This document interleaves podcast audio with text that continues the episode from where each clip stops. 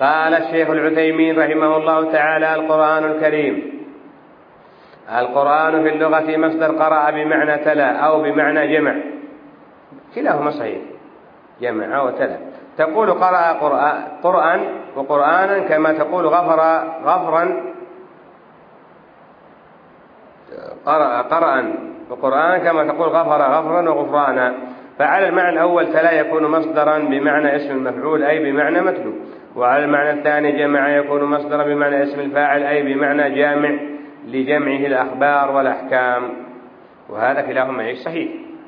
هذا في اللغة فهو بمعنى متلو قرآن متلو أي نعم إن الذين يتلون كتاب الله وأقاموا الصلاة فيتلونه فهو يتلى وهو جامع لأحكام الفقه والعقائد. وهكذا سائر الأمور سائر أمور الدين جمعها القرآن العظيم. قال والقرآن في الشرع كلام الله تعالى المنزل على رسوله صلى الله عليه وعلى آله وسلم وخاتم أنبيائه محمد صلى الله عليه وعلى وسلم المبدو بسورة الفاتحة المختوم بسورة الناس. كلام الله تعالى المنزل على رسوله محمد المبدو بسورة الفاتحة. فأول القرآن سورة الفاتحة ونهاية سورة الناس. قال الله تعالى إنا نحن نزلنا القرآن تنزيلا وقال إنا أنزلناه قرآنا عربيا لعلكم تعقلون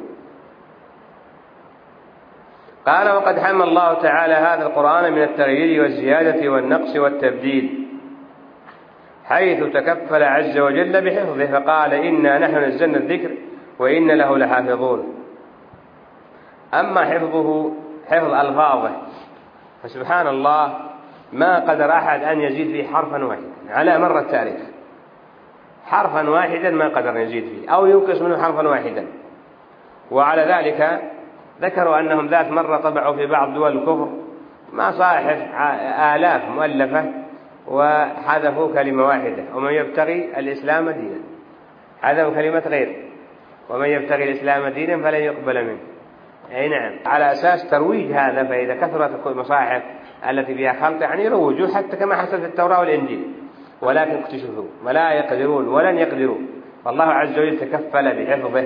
هذا من حيث اللفظ. وأما من حيث المعنى فعلى قسمين. من حيث المعنى من حيث أنه وجد من يغير وجد. فالله عز وجل يقول الرحمن على العرش استوى قال استولى. أي نعم ما قال استوى؟ أي نعم. بل يداه مبسوطتان قالوا هذه القوة ما هي اليد؟ فهذا تغيير تحريف من حيث المعنى. لكن أيضا قيض الله. علماء يبينون المفاهيم الصحيحة والعقائد الصحيحة والمقاصد الصحيحة في القرآن الكريم. فبين ماذا قيض الله من قام من علماء ورد على المعطلة وعلى المحرفين سواء في المتقدمين أو في المتأخرين. فما من يوم إلا ومن علماء من ينكر فلان قول فلان وينكر قول فلان هذا قول باطل وهذا خطأ والصواب كذا. أي نعم ردوا من زمن الزمخشري ردوا عليه إلى يوم الحاضر ومن قبل الزمخشري. واضح؟ فالقرآن محفوظ لفظا ومعنى لكن اللفظ لم يحصل تغيير لم يقدروا أبدا. أما المعاني يوجد عند طوائف يعني من المخالفين أي نعم بل حتى عند الملاحدة الملاحدة يطعنون في القرآن ونعم لكن مع ذلك لا يقدرون. والله حفظه. قال ولذلك مضت القرون الكثيرة ولم يحاول أحد من أعدائه أن يغير فيه أو يزيد. لا بل قد حاولوا. المحاولات جارية. المحاولات جارية. حتى إنهم قبل أيام في السعودية اكتشفوا مصاحف جيء بها من إيران فيها تغيير وهذا نشرته الصحف. أي نعم المحاولة جارية. وأعداء الإسلام لا يفترون ولا يكلون ولا يملون دائما. أي نعم المحاولة جارية لكن هل استطاعوا؟ لا أبدا ما قدروا. لكن المصنف سيأتي كلامه. قال أو يزيد أو ينقص أو يبدل إلا هتك الله تعالى ستره وفضح أمره. أي ما أحد حاول إلا ضحك معناه أن المحاولة جارية. هو ما قال ما أحد حاول. أي نعم. قال وقد وصفه الله تعالى بأوصاف كثيرة تدل على عظمته وبركته وتأثيره وشموله وأنه حاكم على ما قبله من الكتب. قال الله تعالى ولقد آتيناك سبعا من المثاني والقرآن العظيم. أي كل القرآن السبع المثاني جملت في سورة الفاتحة. وزاد أيضا عنده في القرآن بقية القرآن أحكام كثيرة. قال الله تعالى آت طيب. قال والقرآن المجيد. وقال تعالى كتاب أنزلناه إليك مبارك ليتدبروا آياته. وليذكر أولو الألباب. وهذا كتاب أنزلناه إليك مبارك فاتبعوه واتقوا لعلكم ترحمون. إنه لقرآن كريم. إن هذا القرآن يهدي للتي هي أقوم. وقال تعالى وأنزلنا هذا القرآن على جبل لرأيته خاشعا متصدعا من خشية الله وتلك الأمثال نضربها للناس لعلهم يتفكرون. وإذا ما أنزلت سورة فمنهم من يقول أيكم زادت هذه إيمانا؟ فأما الذين آمنوا فزادتهم إيمانا وهم يستبشرون. وأما الذين في قلوبهم مرض فزادتهم رجسا إلى رجسهم ماتوا وهم كافرون. وأوحي إلي هذا القرآن لينذركم به ومن بلغ. الشيخ العثيمين يعني في هذه المواضع ما يذكر قال الله تعالى أي سرد الآيات مباشرة. وهذا يحصل أحيانا الإنسان مع استعجال وكذلك يحصل بكثير من العلماء. أحيانا شيخ الإسلام هكذا يسرد الآيات دون أن يفصل بينها بقوله تعالى أو قال تعالى قال الله عز وجل والأفضل الفصل الأفضل الفصل.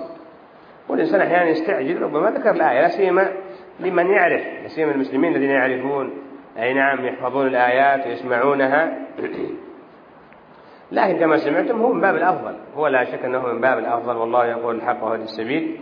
قال وقال تعالى ونزلنا عليك الكتاب تبيان لكل شيء وهدى ورحمة وبشرى للمسلمين وقال تعالى وأنزلنا إليك كتاب الحق مصدقا لما بين يديه من الكتاب ومهيمنا عليه. مهيمنا على جميع الكتب وناسخ لجميع الكتب فاحكم بينهم بما أنزل الله. أفضل كتاب ما هو؟ القرآن العظيم. ما هو أصح الكتب المصنفة؟ ها أصح الكتب المصنفة؟ البخاري. القرآن لا نقول مصنف. القرآن تنزيل من رب العالمين. أصح الكتب؟ القرآن. أصح الكتب القرآن. نعم لكن أصح الكتب المصنفة البخاري واضح.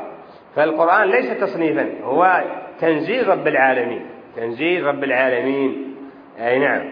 فلكن البخاري ومسلم وهذه الكتب كلها تأليفات ألفوها العلماء جمعوها. قال والقرآن الكريم مصدر الشريعة الإسلامية التي بعث بها محمد صلى الله عليه وعلى وسلم إلى الناس كافة قال الله تعالى تبارك الذي نزل الفرقان على عبده ليكون للعالمين نذيرا. وقال تعالى ألف لا أمر كتاب أنزلناه إليك لتخرج الناس من الظلمات إلى النور بإذن ربهم إلى صراط العزيز الحميد الله الذي له ما في السماوات وما في الأرض وويل للكافرين من عذاب شديد. وسنة النبي صلى الله عليه وعلى آله وسلم مصدر تشريع أيضا كما قرره القرآن. قال تعالى من يطع الرسول فقد أطاع الله ومن تولى فما أرسلناك عليهم حفيظا ومن يعص الله ورسوله فقد ضل ضلالا مبينا. وقال تعالى وما أتاكم الرسول فخذوه وما نهاكم عنه فانتهوا. وقال تعالى قل إن كنتم تحبون الله فاتبعوني يحبكم الله ويغفر لكم ذنوبكم. وعلى هذا فالذي يقول أنا آخذ بالقرآن ولا آخذ بالسنة هو أول المكذبين للقرآن. أين القرآن أين في القرآن أن المغرب ثلاث ركعات؟ أين في القرآن أن أن الظهر أربع ركعات؟ ما في القرآن. القرآن جاء لفظ الصلاة وأقيموا الصلاة وآتوا الزكاة. إن الصلاة كانت عليهم كتابا موقوتا. أين في القرآن؟